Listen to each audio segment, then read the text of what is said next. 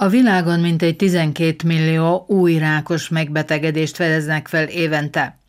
A betegség következményei 7 millió áldozatot követelnek, s a legtöbb halálesetet okozó betegségek rangsorában a rák 2010 óta átvette az első helyet. Európában élete folyamán minden harmadik embernél diagnosztizálnak daganatot, minden negyedik európai rákban hal meg. Az idén a rákellenes küzdelem a rákot kiváltó kockázati tényezők visszaszorítására és az egészséges életvitel fontosságára helyezi a hangsúlyt.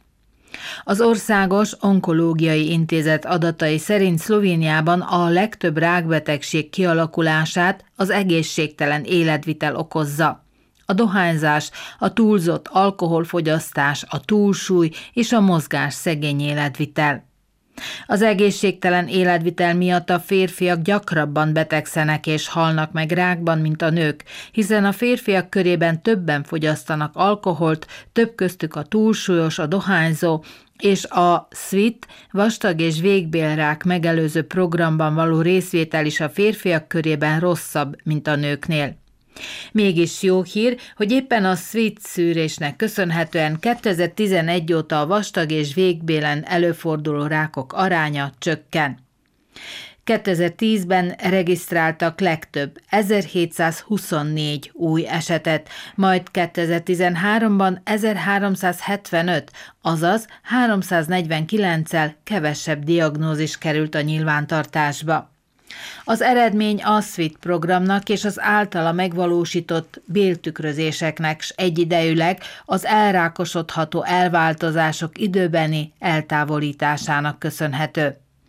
Az idei világnap alkalmából hazánkban mindhárom rák megelőző program fontosságát hangsúlyozzák, hiszen azóra ményakrák, a dora, mellrák és az említett szvít, vastag és végbélrák szűrés is azon megelőző programok közé tartoznak, amelyek a páciens számára ingyen és fájdalommentesen adnak információt egészségi állapotáról és a korai elváltozásokról, amelyek azonnali gyógykezelése jó eredményekhez vezet.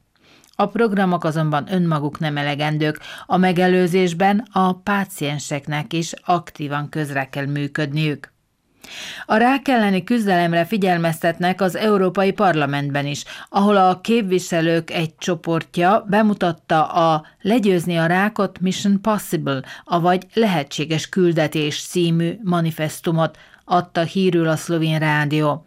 Benne arra figyelmeztetnek, hogy a jövőben a megelőzésre, a jobb minőségű gyógykezelésre és a páciensek komolyabb szerepére kell hangsúlyt fektetni az egészségügyi politikák keretében.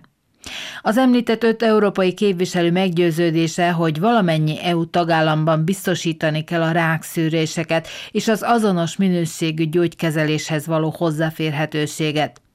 A csoport elnöke Loise Peterle, aki szerint az EU tagállamaiban a betegek tapasztalatai eltérőek, s nagy különbségek vannak a kelet- és nyugat-európai tagállamok között.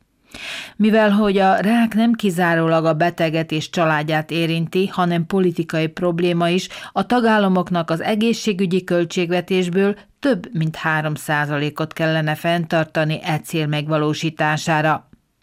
A megelőzéssel az új esetek előfordulását akár 50%-kal is vissza lehetne szorítani.